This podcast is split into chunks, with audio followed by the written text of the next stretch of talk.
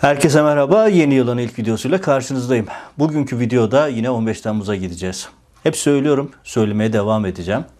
15 Temmuz aydınlanmadan Türkiye'de hiçbir taş yerli yerine oturamaz. Hukuk tecil edemez, tescil edemez. İnsan hakları konusundaki adaletsizlikler giderilemez.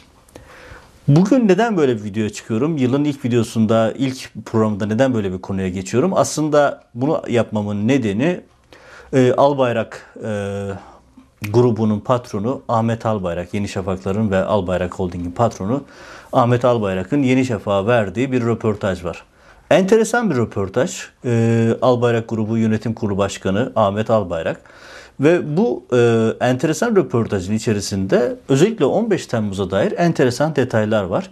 Tabi bu benim açımdan e, sürpriz değil. Çünkü ben başından bu yana 15 Temmuz'un bir darbe girişimi olmadığını, planlı programlı bir istihbarat operasyonu olduğunu, MİT, Genelkurmay ve saray arasında uzun süre hazırlıkları yapılan, fişlemelerin, eylem planlarının önceden hazırlanıldığı, devşirmelerin yapıldığı, karşı planların hazırlandığı bir e, istihbarat operasyonuydu. Darbe yapılıyormuş süsü verilip Türkiye'de aslında gerçek darbeyi iktidar yaptı. Bugüne kadar buna dair sayısız video yaptım. Çok sayıda bilgi, belge, otopsi raporlarından detaylar aktardım. Dosyalardan, iddianamelerden, tabi ulaşabildiklerimden. Ulaşabildiklerimden bile bu kadar detay çıktı. Ulaşamadığımız dosyaların içerisinde kim bilir neler var. Şundan emin olabilirsiniz. Halihazırda 15 Temmuz dair bildiklerimiz bilmediklerimizin yanında hiçbir şey değil. Şimdi dağıtmadan kısa bir video ile size neden Ahmet Albayrak'ın videosunu önemsemek, e, röportajını önemsemek gerektiğini özetleyeyim.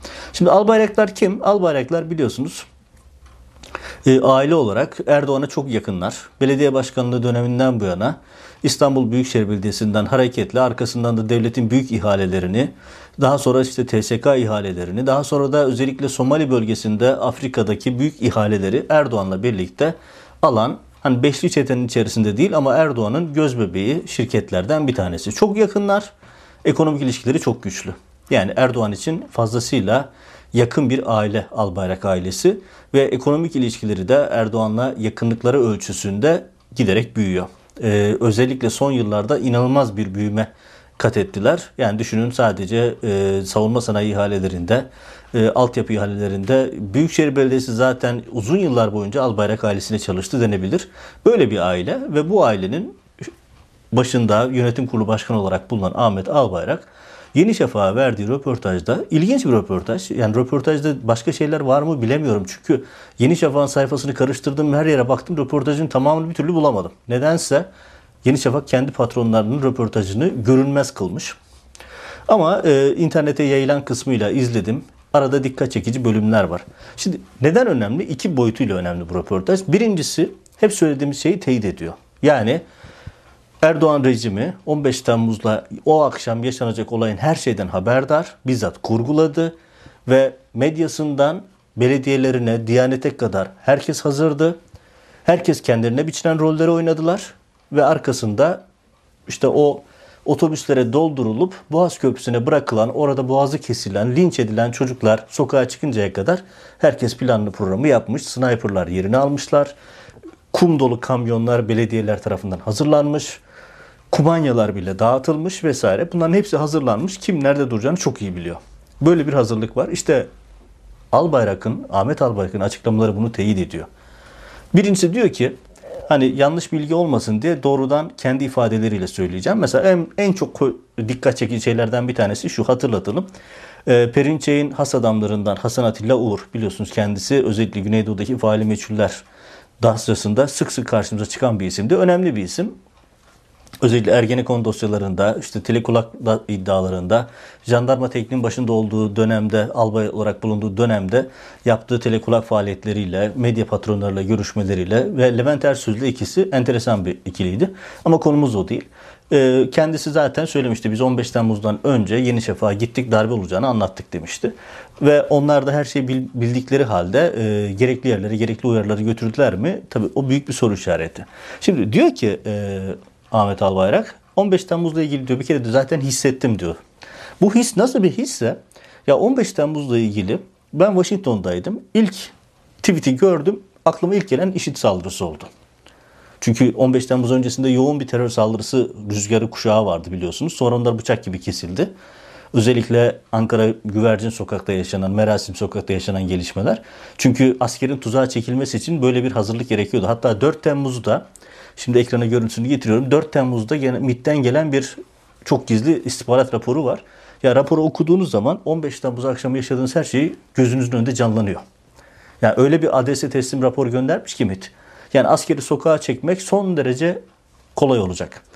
Şimdi bu işin şey tarafı, daha diğer detay. Hani Albayrak kısmını dağıtmamaya çalışıyorum.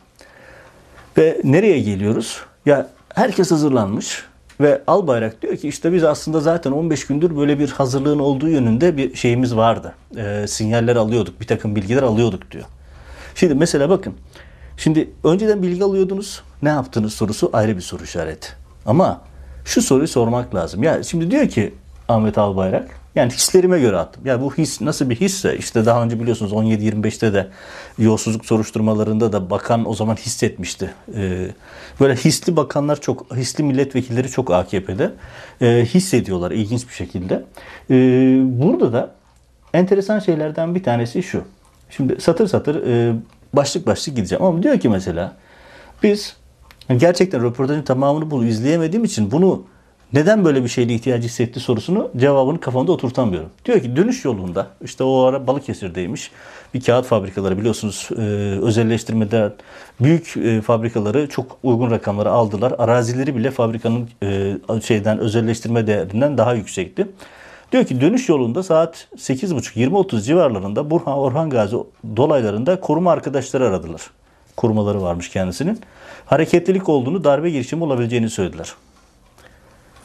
Ben de sağa sola aradım vesaire diyor. Hani Erdoğan diyor ya eniştem aradı falan. Hani böyle bir e, mizahi bir e, durum söz konusu. Enişte aramış. Enişte aradığı için haber verdim diyor.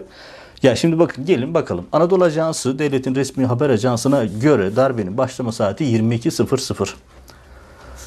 Kaçtı? 21.30'da. Şey 20.30'da. Daha e, iki, bir buçuk saat var. Resmi iddianamelere göre 22-28. Kim acaba Ahmet Albayrak'ı arayıp darbe oluyor diyor. Bakın daha Erdoğan'ı gire kimse aramamış. Güya aramamışlar. Şimdi bir, Albayrak'ın bunu açıklaması gerekiyor. İki, işte halkın sokağa dökülmesi için hemen çalışmalar yaptım diyor. Ya bakın bu 15 Temmuz'da enteresan bir nokta var. Ya herkes kendine verilen rolleri çok iyi çalışmış. Yani şöyle düşünün. Ya Şimdi bakın birkaç tane isim sayacağım. Mesela Zekai Aksakal, Özel Kuvvetler Komutanı. Ya bir darbe girişimi varsa onu engellemenin yöntemleri bellidir. Hemen ne yapacağınız çok basittir. Bakın 15 Temmuz darbe girişimi iddiası ki o gün MİT'e yapılan ihbar da zaten aslında kumpasın parçası olarak yapılmış şeydi ama varsayalım bir darbe girişimi oldu. Ya yapacağınız tek cümlelik bir açıklama. Televizyona bağlanırsınız, tweet atarsınız ya da TSK'nın kendi haberleşme sistemi içerisinde Hulusi Akar bir cümle kimse yerinden kalkmıyor dediği anda bu darbe biterdi. Hulusi Akar kumpasın bir parçası ve önemli ayaklarından birisi olduğu için çok güzel oynadı. Darbenin başındaymış gibi yaptı, mağdurmuş gibi yaptı. Saatlerce kan dökülmesi için ortamın hazırlamasına katkı sağlayan bir isim. Bakın Zekai Aksakal Özel Kuvvetler Komutanlığı Gazi Ordu evindeki o düğünden çıkıyor. Ee, süper fantastik bir kaçış hikayesi anlatıyor. Ee, arkasından onun da detaylarını uzun uzun anlatabilirim. Yani süper fantastik bir hikaye. Ee, işte üç te, bir tekmeyle üç tane özel kuvvetler askerini yerlere seriyor vesaire öyle hikayeler anlatıyor. Ee, sonra işte bir arkadaşının evinde saklanıp eşini teskin ediyor vesaire ama o arada esnasında kumpası organize ediyor. İşte Semih Terzi'nin Silopi'den getirilmesi sonra onun infaz edilmesi süreçlerini organize ediyor. Ertesi sabah da kışlaya gittiğinde askerleri işkenceden birisi. Daha sonra da bir sürü işkenceye adı karıştı Zekai Aksakallı'nın. Şimdi Zekai Aksakallı diyor ki işte Ömer Halis Demir 8 defa arıyor, e, televizyonlar arıyor, gazeteciler arıyor vesaire ama bir kere Genelkurmay Başkanı'nı aramıyor. Bir kere Kara Kuvvetleri Komutanı'nı aramıyor. Diyor ki ben diyor işte Efkan Ala'yı aradım diyor. Orada uçaktaydı görüşemedik diyor. Efkan Ala'nın da e, biletinin kesilmesi aslında 15 Temmuz'a dair yaptığı bir ifşaatın, CNN ekranında söylediği bir ifşaatın bütün kurguyu bozmasından kaynaklanıyor. Onu da hatırlatalım. E, o da orada Erdoğan'ın büyük yalanını ortaya çıkarmıştı. E, farkında olmadan yaptı tabii. Hani hep söylenir. Ben yine hatırlatayım. Büyük yalanlar söyleyeceksiniz. Güçlü bir hafızanız olsun. Ya da şöyle söyleyelim. Güçlü bir hafızanız yoksa büyük yalanlar söylemeyin derler. Bazıları senaryoyu ezberleyememiş. Şimdi Zekai Aksakallı Efkan Ali diyor ki halkı sokağa dök. Ya özel kuvvetler komutanısın sen. Halkı niye sokağa döküyorsun? Yapman gereken ilk şey halkı sokaktan çekmektir. Çünkü can kaybını önlemen gerekir. Yok. Devam edelim. Tu Amiral Macit Arslan var mesela. Deniz kuvvetlerindeki kumpasın önemli ayaklarından bir tanesi. O hemen sağa sola arıyor halkı sokağa dökün. Yarbay Aşkın Öge var. Karamürsel'de çok önemli bir e, pozisyonda. 15 Temmuz'un kritik kumpasçılarından bir tanesi. O da AKP'li Karamürsel Belediye Başkanı İsmail Yıldırım arıyor. İşte Erdoğan'a ulaşın halkı sokağa çöksün, çıkartsın diyor. Devam edelim. Ya öyle bir şey ki herkes bir şekilde sağa solu arayıp halkı sokağa dökmeye çalışıyor. Emniyet Müdürü Mustafa Çalışkan'ın bir kitabı var mesela Milli Duruş kitabı. Orada böyle bir sürü detaylar var. Başka insanlar Metin Külünk aynı şekilde halkı sokağa çağırıyor. Başka örnekler var. Halk işte e, bu şeyin örneğinde olduğu gibi e, Ahmet Albayrak'ın örneğinde olduğu gibi halkı sokağa çağırma. Ya bu nasıl bir plansa halkı sokağa dökme çok önceden kurgulanmış. Herkes nereye gideceğini biliyor. Hatta komisyon TBMM'deki 15 e, Temmuz'u araştırma aslında araştırmama komisyonu tutanaklarında bir AKP diyor ki ya aslında diyor kaderin cilvesi herkes nereye gideceğini çok iyi biliyordu diyor. Evet biliyordu çünkü planlanmıştı nereye gideceği herkesin. Ve böyle örnekler devam ediyor gidiyor. Ya arkasından bir şey daha var. Şimdi Sela meselesi. Şimdi aynı şeyi Ahmet Albayrak da diyor. İşte Trabzon'dan aranmışlar da işte Sela okunsun denmiş falan. Ya nedense o akşam herkesin aklına Sela okumak gelmiş. Bakın şimdi sayalım. Sırasıyla gidelim. Mesela şimdi bir olayı Hande Fırat'ın anlatımı var. İşte meclis komisyonunda anlatılanlar var. İşte bizim efsane koç boynuzunda bilezikle gündem olan e, tüm amiral Mustafi, tüm amiral var. Cihat Yaycı var. Cihat Yaycı'nın mesela o akşam Erdoğan'ın yanında olması bambaşka bir hikaye. Çünkü öncesinde simüle edilmiş kimin nerede olacağı çalışması. Ya bakın şimdi bir çok söylenen bir şey var. Buraya da ayrı bir başlık açalım. Nedir? 15 Temmuz'da hani Abdülkadir Selvi'nin kitabında anlatılan 15 Temmuz'da Sela okuması projesi Mehmet Görmez'indi falan diye bir şey ortaya atıldı. Yani hikmetse Mehmet Görmez de o akşam Diyanet İşleri Başkanı ve Suriyeli muhalif liderle yemekte çorba içiyorlar akşam 10.30'da. Bambaşka bir soru işareti.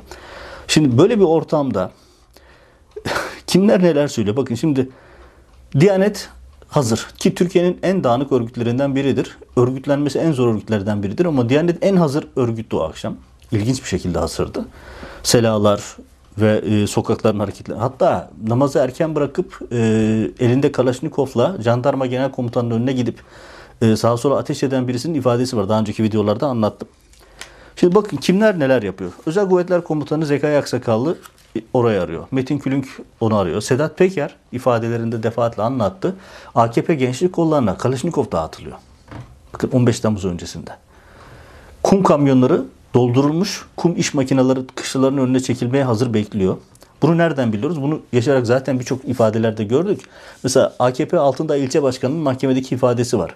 Biz diyor ki akşam 9 şeyde 8.30 gibi e, yanlış hatırlamıyorsam saatini zaten teşkilat üyelerine mesaj attık herkesi topladık diyor. Yani aslında herkes akşam ne olacağını biliyor. Bilmeyen o otobüslere doldurup götürülen gariban çocuklar ve bir de biz halk bilmeyen insanlar.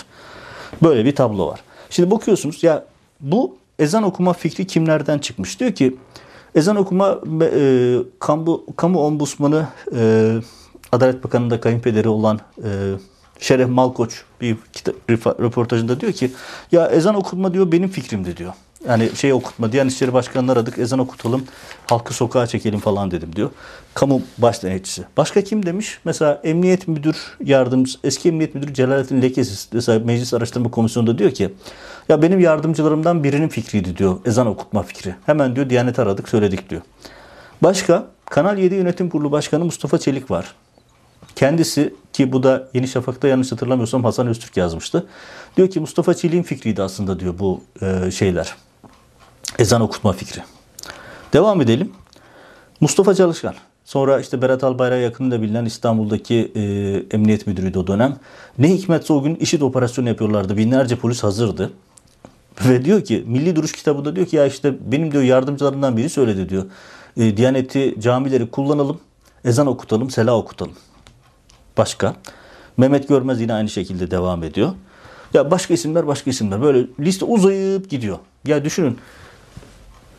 Asker, polis, yani darbe girişimi varsa onu önleyecek olan kişiler halkı sokağa dökme, selalara okunma ve halkı galeyana getirmekle uğraşıyor. Bütün ifadelerde okuduğunuz zaman resmi tamamlıyor. Bu yüzden Ahmet Albayrak'ın ifadesi çok daha değerli. Çünkü diyor ki Ahmet Albayrak, hani önceden zaten bir takım sinyaller geliyordu. İşte e, hissettik. Nasıl bir hisse? E, FETÖ'cüler darbe yapıyor dedik, halkı sokağa çağırdık. Ya bakın askeri, diyanet mensubu, sivili, gazete yöneticisi, iş adamı, esnafı, her kimse, mafya lideri Sedat Peker dahil hepsi bir olay karşısında aynı refleksi veriyor. Bakın bu hiç normal değil. Darbe girişimi gibi bir olay karşısında herkesin farklı meslek gruplarının aklına gelebilecek sela okutmak gibi bir proje herkesin aklına normal bir şekilde gelmez. Bu simüle edilmiş, çalışılmış bir olay.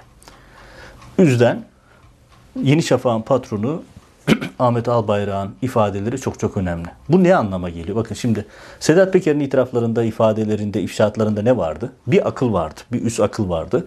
Bu üst akıl hani böyle havuzun uydurduğu gibi falan değil. Gerçekten bir korku ikliminin oluşturulması için Sedat Peker'e görev veriyordu. Aynı şekilde başkalarına başka görevler veriyordu terör örgütlerine sağda solda bomba patlatma görevi veriyordu. Sedat Peker'e korku iklimi oluşturma görevi veriyordu. Onunla silahları dağıttırıyorlardı. Ankara Emniyet'in önünde silah dağıtılıyor. İstanbul'da e, Balat'ta silah dağıtılıyor. Bir sürü örneği var bunların. Bir akıl bunların hepsini organize ediyor. Ve bu akıl 15 Temmuz akşamında sela okunması, 15 Temmuz akşamında camilerin aktif olarak kullanılması, 15 Temmuz akşamında halkın sokağa dökülmesi işini çok önceden simüle etmiş. Bakın 15 Temmuz'un Ankara Emniyeti'nin 15 Temmuz'daki e, telsiz kayıtlarını tek tek okudum. Ya bir emniyet düşünün. Şimdi emniyetten doğal olarak şunu yapması gerekir değil mi? Darbe girişim sırasında emniyetin ilk işi yani darbeyi önleme işini yapmak için sivilleri sokağa dökmezsiniz. Ya açın Ankara Emniyetindeki telsiz kayıtlarına bakın. Daha önce bunları video yaptım burada görebilirsiniz kanalda. Ya emniyet müdürü talimat veriyor. Sivillere polis arabalarına doldurun. Askerlerin önüne yığın. Sivilleri askerlerin önüne doğru yönlendirin. Sivillerin önünü açın onlar gitsinler. Sivilleri açın genelkurmayın içine girsinler. Şeklinde telsiz talimatları var. Yani önceden simüle edildiğini gösterme açısından söylüyorum. Şimdi Ahmet Albayrak'ın ifadeleri, ifşaatları, itirafları adına ne derseniz deyin. Önceden haberdarlar. Ellerinde herhangi bir delil yokken bilerek, isteyerek işte paralelciler, cemaatçiler darbe yapıyor diyerek mahşet atıyorlar, e, gündeme e, halkı kalene getirmeye çalışıyorlar ve milleti sokağa dökmeye çalışıyorlar. Bu işte 15 Temmuz kurgusundaki en kritik ayaklarının nasıl kurulduğunu göstermesi açısından önemli bir ifşaat, önemli bir itiraf. Sedat Peker'in bahsettiği bir merkezde oluşturulan, sağa sola görevler veren yapı. Bu yüzden Sedat Peker'in itiraflarıyla, ifşaatlarıyla Ahmet Albayrak'ın ifşaatlarını yan yana koyun, resim tamamlanıyor. Başka örnekler de var. Mesela bakın Erdoğan 15 Temmuz öncesinde işte Emasya'yı pat diye çıkarmasından tutun 50 yıllık Brüksel protokolünü darbeden 2 gün önce ya 2 gün önce e, Erdoğan'a yani Cumhurbaşkanı'na suikast girişim olur da failler yurt dışına kaçarsa onların iadesi için 50 yıldır bekleyen protokolü imzaladılar ve Erdoğan jet hızıyla yaptı. 14 Temmuz'da İstanbul'la Marmaris arasında tuhaf uçuşlar var. Hava Kuvvetleri Komutanı tuhaf işler yapıyor. Milli İstihbarat Başkanı, Genelkurmay Başkanı tuhaf tuhaf buluşmalar yapıyor. Saatler boyunca süren özel görüşmeler var. Yani tam anlamıyla herkes planlı programı yapmış. İddia ederek söylüyorum 15 Temmuz'dan haberi olmayan bir yapı varsa o da cemaatin geneli ve halkın geneli. Onun dışında herkesin haberi var. Herkes haberliymiş zaten. Ve bu ifadeler işte Albayrak'ın bu kendi gazetesine verdiği röportaj haberliliklerini teyit etmiş oluyor. Yani 15 Temmuz öncesi yapılan fişlemeler, kimlerin tutuklanacağı. Düşünseniz 15 Temmuz'dan sonra yayınlanan KHK'larda 15 Temmuz'dan önce ölmüş savcıların, askerlerin, polislerin isimleri var. Yani bu listelerin çok önceden hazırlandı. Yine TR724 web sayfasında benim yüzlerce sayfa evraktan taradığım bir dosya vardı. Çok önemli bir dosya. 15 Temmuz'daki sık yönetim direktiflerinde yapılan hatalar bir önceki fişleme listelerinden kopyalanmış. Yani direktifleri kim yazdıysa 15 Temmuz'un aslında darbecisi de onlar. Böyle uzatabilirim. Yani çok uzatmayayım. Şimdi hemen 20 dakika oldu zaten. Şimdi bu yılki videoları daha kısa yapmaya çalışacağım. Ona da söz vereyim. Yani böyle uzun video yapmamaya çalışacağım. Kısa kısa bölümler halinde video olması için çalışıyorum. Ama özetle toparlayarak söyleyeyim. 15 Temmuz'un aydınlanması gerekiyor. 15 Temmuz'da fail gerçekten kimse onların yargılanması gerekiyor. Gariban çocukların, askerlerin, emre uyan insanların değil. Düşünün 8500 e, yanlış hatırlamıyorsam 8500 50, 8651 kişiydi. e, darbeye karıştığı iddia edilen kişi. Ya TSK'dan bugüne kadar ihraç edilen asker sayısı 30 bini geçti. Askerleri şeyleri sayarsanız e, ve ihraç edilen 150'ye yakın general, binlerce kurmay subay, assubay e, ve e, uzman isim atılanları toplasanız orta büyüklükte bir devletin ordusu ediyor. Türkiye'de 15 Temmuz söylemiyle Türkiye'de rejim değiştirildi. Ve bu rejimin değişimin en önemli ayağı 15 Temmuz. Bu yüzden Türkiye'de bir şeyler tekrar yoluna girecekse, adalet tesis edilecekse önce 15 Temmuz'dan tekrar başlamak lazım. Bismillah deyip bir oturacaksın. 15 Temmuz neydi? Kim ne yapmıştı? Doğru düzgün ifadeler alınacak, belgeler bakılacak. Ya işte daha önce videolarda yaptım. 15 Temmuz akşamı uçmayan uçaklar var. Uçmadıkları sabit olan uçaklar var. 11 tane uçak var 15 Temmuz'da hiç incelemesi yapılmayan. Hani sağa sola bomba attığı belli olan ama aslında gerçekte kim olduğu bilinmeyen hayalet uçaklar, emekli pilotlar akıncı üstünde vesaire. Ya TSK envanterinde kullanılmayan mermiler cesetlerden çıktı. Jandarma Genel Komutanlığı önündeki kayıplarda, e, sivil kayıplarda TSK envanterinde olmayan çelik başlı zırh delici mermi çıktı. Bunlar TSK envanterinde yok. NATO'da yasak silah bunlar. Akıncı Nizamiyesi'nin önünde enselerinden tek kurşuna vurulmuş 8 tane şehit var. Bakın Jandarma Genel Komutanlığı yargılamasında bu şehitlerin kim tarafından vurulduğunun belgesi bilgisi yok. Yani yargılama yapıyorsunuz, o insanlara müebbet yağdırıyorsunuz ama fail bu e, cinayetleri kimin işlediği mahkemede belirlenemiyor. İşte 15 Temmuz'dan 3 gün sonra Erdoğan'ın e, sarayının dış avlusunun dışına atılan bir tane füze var. E, omuzdan atılan RPG füzesi tarzı bir şey. TZK envanterinde yok. Bakın nerede var bir tek? MIT'te var. 3 gün sonra 15 Temmuz'dan 18 Temmuz günü yapılıyor. Bunun gibi sayısız örnek verebilirim ama bu videonun özü hikayesi şu. Şurada bitireyim. Ahmet Albayrak diyor ki elimizde hiçbir bilgi olmadan, belge olmadan biz hissettik ve böyle dedik. Bu hissetme öyle hissetme falan değil. Önceden planlanmış bir kurgunun parçası. Kimse kimi kandırıyorsunuz? Yani ben hissederek ya bu hissetmek yani hani ortada hep söylüyorum 250 şehit olmasa bu kadar yaralı olmasa 15 Temmuz üzerine ben kurgu e, bir komedi filmi çekebilirim. Gerçekten her şey 15 Temmuz'da olmayacak ne varsa hepsi olmuş. Yani bir darbe girişimi adına olmayacak ne varsa hepsi olmuş.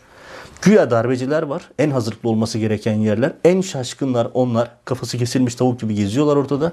Öbür tarafta çok organize bir hazırlık var. Karşı darbe hazırlığı var. Ya düşünün imamlara silah dağıtılmış. Jandarmanın örneğinde var bunun örneği. Ankara Emniyet'in önündeki silah dağıtılmış. İstanbul'da Sedat Peker anlatıyor silah dağıtılmış. Ee, Erdoğan dört tane uçak hazırlamış. Ee, yasal değişiklikler yapılmış. Erdoğan'ın uçağını park edeceği Dalaman'daki kamera günler öncesinden bozulmuş. Bunun gibi sayısız örnek var. Hazır olan bir taraf var. Hazır olan taraf aslında karşı darbeyi yapan, gerçek darbeyi yapan Erdoğan tarafı. İşte Ahmet Albayrak'ın bu açıklamaları şunu teyit ediyor. Hazırlığın bir ayağında medya var. İşte Serhat Albayrak'la bir de şunu konuştuk diyor. Halkı sokağa çağırdık diyor. Bir ayağında e, medya var. Bir ayağında emniyet var. Mustafa e, Çalışkan'ın açıklamaları, Celalettin Lekesi çalışma açıklamaları. Bir ayağında MIT var. Hakan Fidan MIT'te Diyanet İşleri Başkanı'nda çorba içiyor. E, ve o akşam bir grup adam İstanbul'da Harbiyeli çocukların boğazını kesiyordu Suriyelilerden. Suriye muhaliflerin lideri de oradaydı. Sniperlar hazırlanmış, faili meçhuller var. Hala bilinemeyen, e, katilleri bilinemeyen şehitler var. Başta Erol Olçak ismi gibi. Ve bu kadar büyük muammanın ortasında 5 yıl geçti. Yargılamalar başladığı gibi bitti.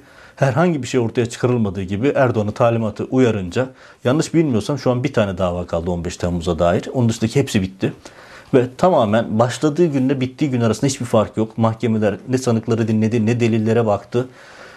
Saraydan gelen talimatlarla müebbet yapıp geçtiler. Erdoğan darbesini yaptı tek adam rejimini kurdu ve bu itiraflar da aslında biz bir koalisyon olarak bu darbeyi yaptık koalisyonu. Burada şu noktaya dikkatini çekmek istiyorum. Şimdi peki Ahmet Albayrak bu konuşmayı niye yaptı? Acaba diyorum hani soru soralım kafamızı biraz tersten düşünelim. Acaba o masada rol dağışımı yapılıyor, kartlar yeniden karıştırılıyor da Ahmet Albayrak bakın biz bir şeyleri biliyoruz. Bir şeylerin içerisinde aktif rol aldık bizi unutmayın ya da bizi dışlamaya kalkmayın mı demek istiyor? Büyük bir soru işareti bırakalım. Benzer olayı biz nerede gördük? Rusya ilişkilerinde gördük. Erdoğan Rusya'da Putin'in canını bir şekilde sıkarsa Putin hemen bir 15 Temmuz kartı atıyor ortaya. İran. İran'la ilgili bir sıkıntı yaşandığında İranlılar ve Türkiye'deki uzantıları işte Kudüs TV'de bunu açık açık söylüyorlardı. Ne diyordu? 15 Temmuz'da yaptıklarımız. Hatta İran gazetesi Türkçe manşet bile atıyordu. 15 Temmuz meselesi. İngiltere mesela İngilizlerin bir gemisi, helikopter gemisi 15 Temmuz akşamı Marmaris açıklarında ne yapıyordu sorusunu hala cevaplamadılar. Evet 15 Temmuz'da Marmaris açıklarında bir İngiliz helikopter gemisi vardı. Acaba Erdoğan'ın o akşamki planlarından parçasında birisi de bu muydu? Mesela. Soruları uzatmak mümkün. Ama net olan bir şey var. 15 Temmuz bir darbe girişimi değildi. 15 Temmuz bizzat kurgulandı ve rejim tarafından kurgulandı. Darbe süsü verilerek aslında gerçek bir darbeyi kendileri yaptılar ve ülkede rejimi değiştirdiler. Binlerce insan cezaevlerinde acı çekiyor. Ve bilen insanlar işte Ahmet Albayrak'ın şu açıklamaları da gösterdiği gibi bilen insanlar bildiklerini anlatmadıkları için de ya da bunlarla ilgili gerçekten bir soruşturma, yargılama, araştırma yapılmadığı için de bir yalan üzerine yeni bir rejim inşa ediliyor. Ama biz bir avuç gazeteci bir şekilde bu sürece yurt dışında yakalanmış bir şekilde yurt dışına çıkabilmiş bir avuç gazeteci izini sürmeye devam edeceğiz. Çünkü bize söylenen doğru değil. Tam doğruyu henüz bilmiyoruz. Doğruya yakın olan bilgilerimiz var. Doğruya yakın olan sonuçlara ulaştık. Yıllardır yaptığımız çalışmalarla ama henüz tamamını görebilmiş değiliz resmin. Emin olun onu da göreceğiz. Ama net olan bir şey var. Net olarak söyleyeyim. 15 Temmuz hikayesi size anlatıldığı gibi, bize anlatıldığı gibi değil. Birileri rejim için 250 insanın ölümüne göz göre göre kapı açtı.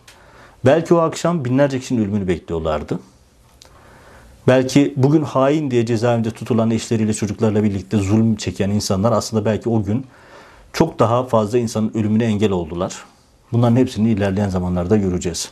Evet yılın ilk videosunda yine 15 Temmuz'a gidip kısa bir hatırlatmayla birlikte Albayrak Holding, Yeni Şafak'ın patronu Erdoğan'a da çok yakın bir iş adamı, sır küplerinden bir tanesinin 15 Temmuz'a dair elimizde bilgi belge yoktu. Hissederek bunun bir cemaat darbesi olduğunu iddia ettik. Manşeti böyle attık diyor. Halkı sokağa çağırdık diyor. Verdiği saatler anlattığı kurgu rejimin bize dayattığı kurguya paralel. Yani birileri bir merkezden bir senaryo yazıp yaymış ve buna da al bayraklara da bir rol düşmüş o senaryoda. İşte o da üzerinden 5,5 yıl sonra geçtiğinde bu hikayeyi kendi penceresinden anlatıyor. Ama yaptığı anlatımlar büyük bir resimde önemli bir yere denk geliyor. Belki farkında değil, belki o yüzden Yeni Şafak kendi patronunun röportajını resmen sayfaya saklamış göremiyorsunuz. Bakalım önümüzdeki günlerde gelişmeleri izleyip analiz etmeye, yorumlamaya devam edeceğiz. Aslında ben yılın ilk videosunda zam yağmurunu yapmayı düşünüyordum. Gerçekten korkunç bir zam yağmuru var. Erdoğan e, doları bir günde alt ettik söyleminin arkasında inanılmaz bir zam yağmuruyla düşük ve orta gelirliği tam anlamıyla eziyor. Ona dair bir video yapmayı ve ona dair bir takım ekonomik öngörülerde bulunmayı planlıyordum. Çünkü haber kaynaklarım özellikle de uzun süre ekonomi bürokrasisinde bulunmuş insanlarla yaptığım görüşmeler hayli karamsar şeyler söylüyor. Kaynaklar bunları söylüyor ama onu da önümüzdeki videolarda yapmış olacağım. Çünkü 15 Temmuz çok hayati bir konu. Onu pas geçmek istemedim. Evet, yeni yılın ilk videosu. Tekrar yeni yıllar yeni yılda sağlık, mutluluk ve en önemlisi adalet dileyelim ve tekrar yeni yılınız hayırlı olsun diyerek bu videoyu da kapatmış olalım. Görüşmek üzere.